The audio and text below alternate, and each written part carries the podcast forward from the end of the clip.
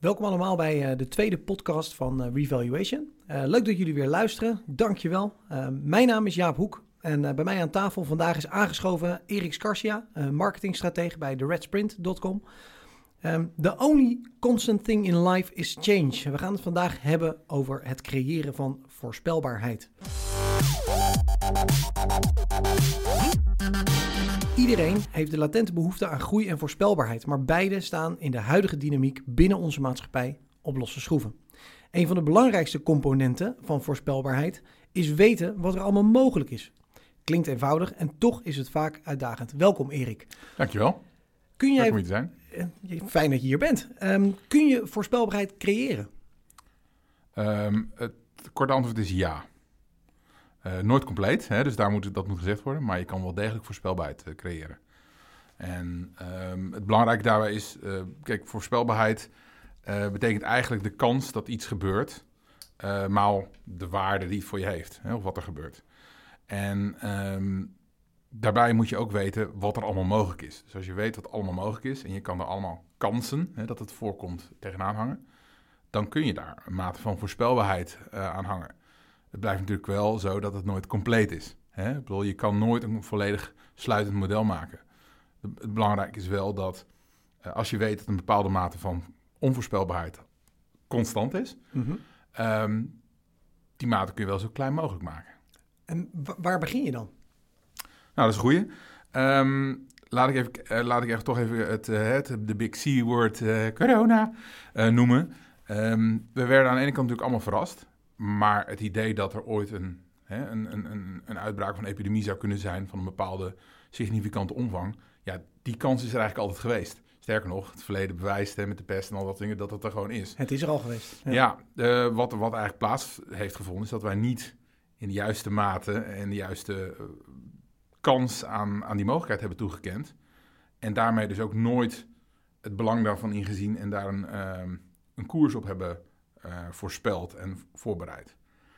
Um, dus ja, de, de, de, vraag is van wat kan er allemaal gebeuren? En um, daar, zijn, daar zijn genoeg methoden voor. Uh, wij vanuit de, de Red Sprint, dat komt, ja, het is een schaamteloze plug bijna. Uh, dat is niet de bedoeling, maar goed, er, is er zijn genoeg methoden om in ieder geval een, een, een beeld te krijgen van wat er allemaal mogelijk is. Mm -hmm. um, wat er allemaal plausibel is.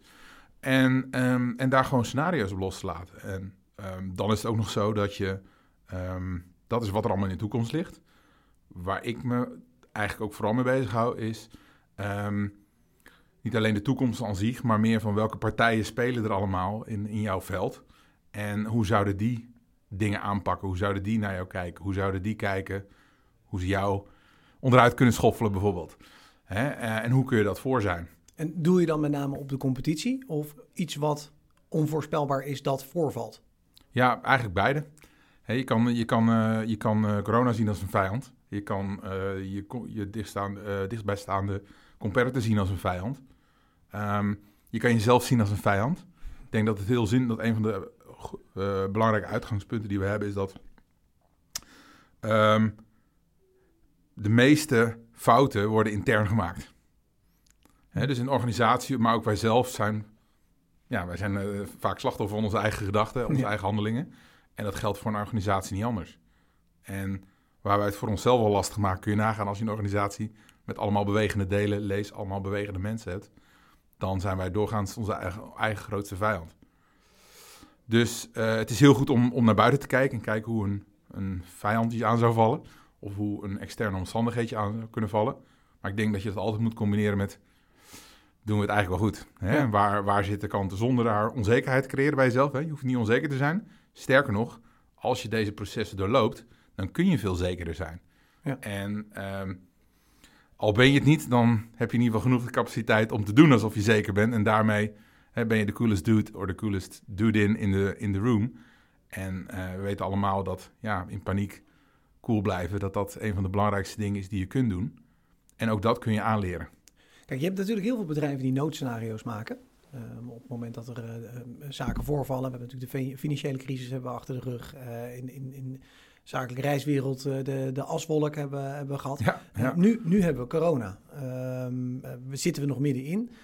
zouden bedrijven al van tevoren checklists moeten maken. Wat doen we in een dergelijk scenario? En zo ja, wat voor stappenplan moeten ze, moeten ze dan maken?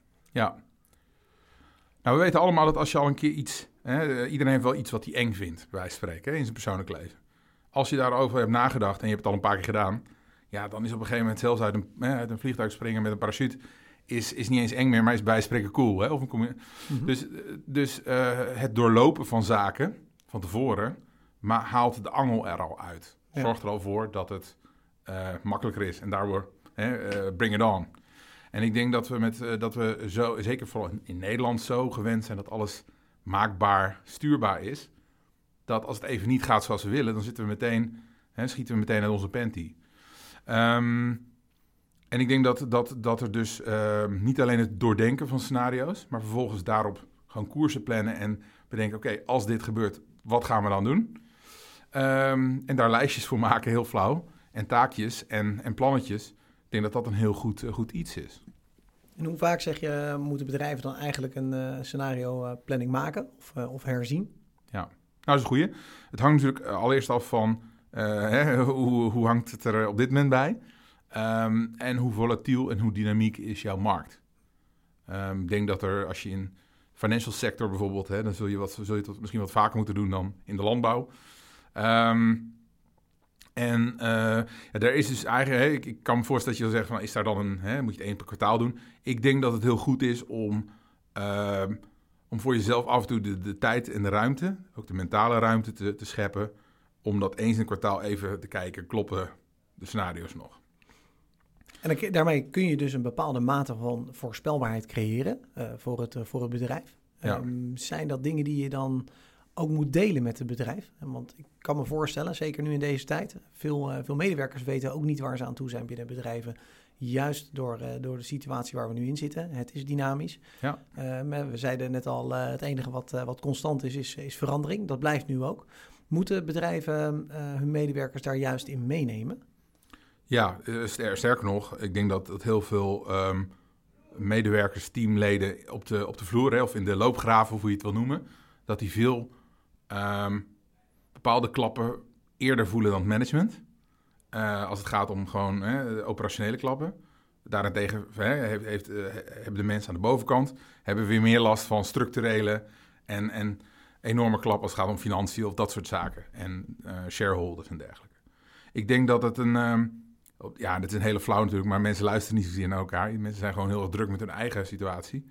Maar een van de belangrijkste um, dingen die je, principes die je als bedrijf of als persoon zou moeten willen kunnen, is system thinking. Je bent onderdeel van een systeem, als bedrijf, als persoon. Uh, hek, je lichaam is een systeem, zeg maar. Hè? En, en, mm -hmm. um, en uh, het, ene, het ene zetje, een ene een zetje geven kan hele grote gevolgen hebben voor het ander. Nou, terug naar je vraag.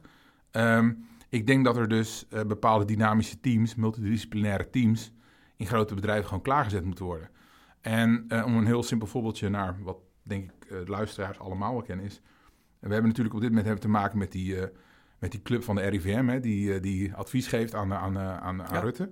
Um, ja, dat had eigenlijk. het is heel logisch dat, bedoel, als, als de bloed echt uitloopt, letterlijk bloed, dan heb je als allereerst een chirurg nodig, zeg maar. Maar direct daarna uh, komen er, spelen er andere factoren. Hè? Economische, uh, maatschappelijke, psychologische. En dat moet gewoon een multidisciplinair team zijn. En dat moet je dus ook in een bedrijf hebben. Daarnaast is het zo dat we met um, Red Teaming ook um, teams zeg maar, leren om dit in hun eigen werk te doen. En ook leren om bedrijven om een semi-vast Red Team te hebben. Dus dat zijn mensen die soms wat dwarsdenken zijn, soms ook niet, of een combinatie daarvan. En die dus structureel binnen, de, binnen het bedrijf flexibel kunnen opereren. En dus kunnen zeggen, dude, zou je dat nou wel doen? Hè? Uh, ja. Maar ook überhaupt, what were you thinking in een positieve zin? Wat dacht je erbij toen je, toen je deze actie ondernam? Toen je dit proces zo inrichtte? Heb je er rekening mee gehouden dat er zijwind kan komen? Dus ik denk dat je, dat je, um, je kan een aantal dingen doen. Je kan het met iedereen doen. Je kan in ieder geval iedereen bewust, uh, bewust maken. Je kan iedereen betrekken, dat is wat lastig. Uh, maar ik denk dat je heel goed kan beginnen door uh, binnen je bedrijf een red team op te zetten. En hebben veel, veel bedrijven dat op dit moment? Is, heb, je daar weet van? Ja, nou, um, het, het, de, de, de term red teaming komt uit de Koude Oorlog. Ehm, de Reds, dat waren de Sovjets. En de Amerikanen hadden gewoon eigenlijk een team met Sovjet, oud-Sovjet-piloten en vliegtuigen. En daar konden wij tegen oefenen. Hè. Ook onze F-16-piloten hebben in het geheim in de US gevlogen tegen Russen of door Russen opgeleide Mhm. mensen. Zodat als de Cold War hot zou worden, dat ze hè, wisten hoe het werkte. Daar konden acteren. Ja, dus het, het komt, uit, het komt uit, de, U- eh, uit, de, uit, uit US military. Ehm, daar is het standaard practice geworden en vanuit daar wordt het wel een beetje verspreid. Het enige waar je het nu heel vaak ziet, is in de cybersecurity. Dus je kan voorstellen dat hè, eh, jij bent Blue, Team Blue, het, het eigen team. En ik probeer te kijken, kan ik jouw systemen hacken? Ja. Ehm, zowel digitaal als fysiek. Hè, kan ik me gewoon als iemand anders voordoen en gewoon je bedrijf binnenlopen. Nou, dat, dat dus red teaming in cybersecurity, waar ze hebben gezien dat eh, kritisch denken, eh, contrarian thinking, denken, eh, Mhm. anders denken, dat dat ja eigenlijk als je dat niet doet, dan ben je zo exposed. En dat geeft ook wel aan dat dat voor andere bedrijven ook zou kunnen gelden. Ehm, je ziet het iets meer, maar nog veel te weinig. Men denkt heel erg, oh, wat moet ons eigen plan zijn? Maar niet eens van, wat zou een ander doen? Ja. Ehm, ja, Meer dus- op de stoel van, van de competitie gaan zitten. Eh, kijken, nadenken, bespreken. ehm, wat zij mogelijk aan, eh, aan stappen zullen nemen. Zodat Ja. je daar ook op kan acteren. Dus eigenlijk het creëren van eh, voorspellende aanvallen van, van de competitie. Ja, en, en, dus, en, en competitie kan dus ook de natuur zijn, hè? Of, de, hè, of de economie of anderszins. Ehm, en gewoon beseffen dat, dat je ook gewoon een speler binnen, binnen een systeem bent. En dat er dus hele kleine stootjes hier links hele grote gevolgen op rechts of op jou kunnen hebben. En ehm, dat klinkt natuurlijk als dan, oh, dan moeten we di- 13.000 scenario's doorrekenen. Ehm, wat wij vaak zien is dat je eh, uiteindelijk kom je tot, nou, ik zeg maar even max 10 hè, hoofdtrends, hoofdbewegingen. Daar ga je mee verder. Daar zorg je dat je een plan voor hebt. En dan kun je altijd nog, als je daar tijd, zin en budget voor hebt, kun je altijd nog meer scenario's narekenen. Maar dan weet je in ieder geval, als er iets langskomt, hey, dit hebben we vorige week nog besproken. Hm. Eh, hebben we gewoon een, een plan voor in de kast liggen. En je ziet ook wel dat in Nederland, ehm, eh, bijvoorbeeld een brandweer en dat soort zaken, die zijn zo getraind op scenario's, dat die helemaal niet meer blikken of blozen als er een speciaal soort brand is. En dat, dat, dat is ook gewoon een teken van professioneel zijn. Eh, en daarmee, als je, dus als jij ehm, zicht hebt op de dingen die voorspelbaar zijn. ehm, en ik, ik maak even een klein uitstapje als mag. Er is een, een Amerikaanse, volgens mij is het niet de vice-president, maar Don- Donald Rumsfeld. En dat is echt een lul van een vent. Sorry voor het woord. Maar eh, wat hij wel zinvol heeft naar, naar buiten gebracht was het idee van eh, de known knowns. Dingen waarvan we weten dat we ze weten Mhm. de known unknowns, dingen waarvan we ze weten dat we ze nog niet helemaal weten, en de unknown unknowns. Nou, ik zal niet ingaan op het feit dat er ook volgens mij unknown knowns zijn, hè, dingen waarvan je onbewust weet dat ze er zijn. Maar ehm, je kan je dus voorstellen dat als jij op een gegeven moment eh, dingen hebt bedacht en doorrekend, dan wordt het aantal known knowns, dingen die je weet, wordt groter. Ja. En als je daarvoor gepland hebt, kun je je gaan richten op dingen hè, waarvan je niet zozeer weet hoe ze zijn, de known unknowns. En als je die ook hebt bedacht, dan kun je je volledig richten op de unknown unknowns. Dingen waarvan je niet weet wanneer en hoe ze gaan komen. Dus het is ook gewoon professionele voorbereiding. Dat je gewoon weet, ja, shit waarvan we weten dat het gaat gebeuren. Het is onvergeeflijk dat wij, hè, als we weten dat we een eh, shareholders eh, ehm, meeting hebben, dat we dat niet goed hebben voorbereid. We Ja. weten dat dat ding komt. En laten we dat nou maar gewoon doen. En als je dat allemaal hebt, dan kun je daarna gewoon richten op de actualiteit. Kun je dit ook kleiner maken? Kun je dit ook naar, naar als, als persoon doen? Ja, ja. Ehm, ja, daar zijn, er zijn ook er zijn genoeg me- methoden voor. Ehm, je, je kan jezelf allerlei vragen stellen. Je kan, er zijn een aantal oefeningetjes die je kan doen, maar je kan ook gewoon beginnen met een aantal lenzen voor je, voor je, voor je ogen te zetten. En een van die lenzen die kan bijvoorbeeld zijn, oké, blue teaming. Hè? Wat, wat, het blue team, dat is ons eigen team, of ikzelf. Wat zou ik doen in een bepaalde, in een bepaalde, eh, in een bepaalde eh, omstandigheid? Eh, red teaming is wat zou ik doen als ik mijn vijand de grootste vijand was? Hè, hoe, zou ik, hoe, zou ik hoe zou ik de blue team in, in de wielen fietsen? Mhm. Ehm, je kan eh, green teaming doen, of Greta teaming, zoals ik het wel eens noem. Hè. Gewoon kijken, wat zou je doen als je de planet, hè, de, de natuur, als, als main driver had, met je groene bril. Eh, een orange ehm, teaming is letterlijk kijken, oké, eh, vanuit veiligheid. Even alle geld en groen daar gelaten. Wat Ja. zou ik doen als veiligheid het belangrijkste was? Maar dus pak je eigenlijk thema's die heel dicht bij jouw eigen persoonlijke waarden Ja, Ja. Aan jouw eigen waarde vasthangen. Ehm, en, en zo ga je kijken welke stappen je kan zetten. Zo maak je het heel klein. Je gaat ehm, eh, een aantal vragen stellen. Ehm, Ja, maar ja. Je kunt jezelf natuurlijk heel makkelijk vragen stellen. Maar zijn er specifieke vragen die jou gaan helpen om tot de juiste antwoorden en dus uiteindelijk tot een bepaalde mate van voorspelbaarheid te komen? Ja, ja er is iets wat. ehm, er is een, een, een, een oefeningetje, zeg maar, wat, wat ook al heel lang in de, de Red Team scene wordt gebruikt. En dat heet de, de, de eh, pre-mortem analysis. En pre-mortem voor de dood. Je analyseert eigenlijk wat je zou. Hè, eh, ik, laat, ik, laat ik pla- plat slaan. Eh, we zijn vijf jaar verder. Je plan heeft, je business heeft het niet gehaald. Wat is er allemaal gebeurd? En dan ga je, terug, ga je terugrekenen. Oké, toen in 2020 hebben we een verkeerde keuze gemaakt. 2021 hebben we budget van dat. Dus je, je, je gaat eigenlijk kijken van oké, het is 2025 of 2022, weet ik veel. In de toekomst, eh, we hebben het niet gehaald. What happened? Ja. What went wrong?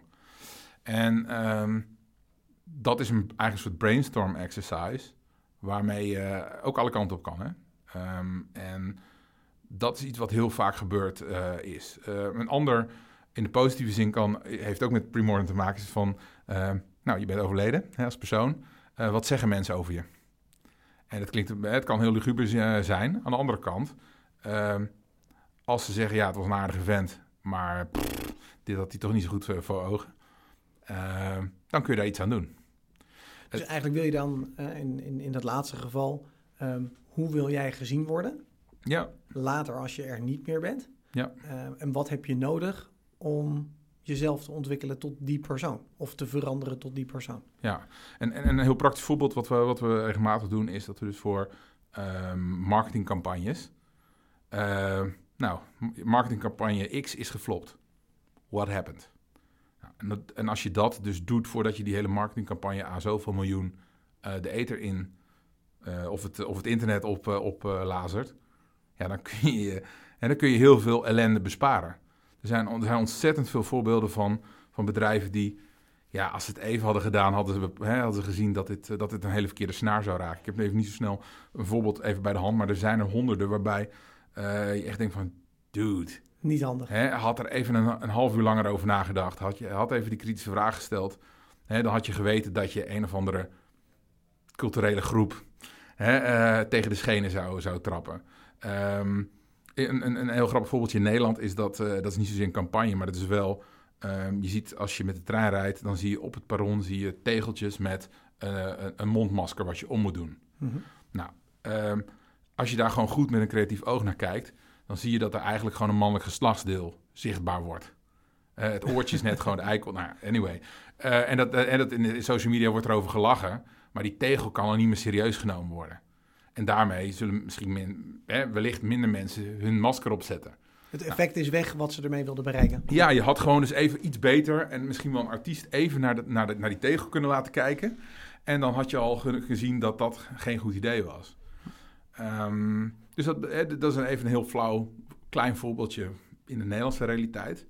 Ehm, en, dat, en je wil eigenlijk niet, ik wil eigenlijk nooit de persoon zijn die zegt, eh, I told you so. Hè? Dat vinden we allemaal vervelend. Die oom of tante die had zegt, ik zei nog zo, dat moet je, had je niet moeten doen. Ja.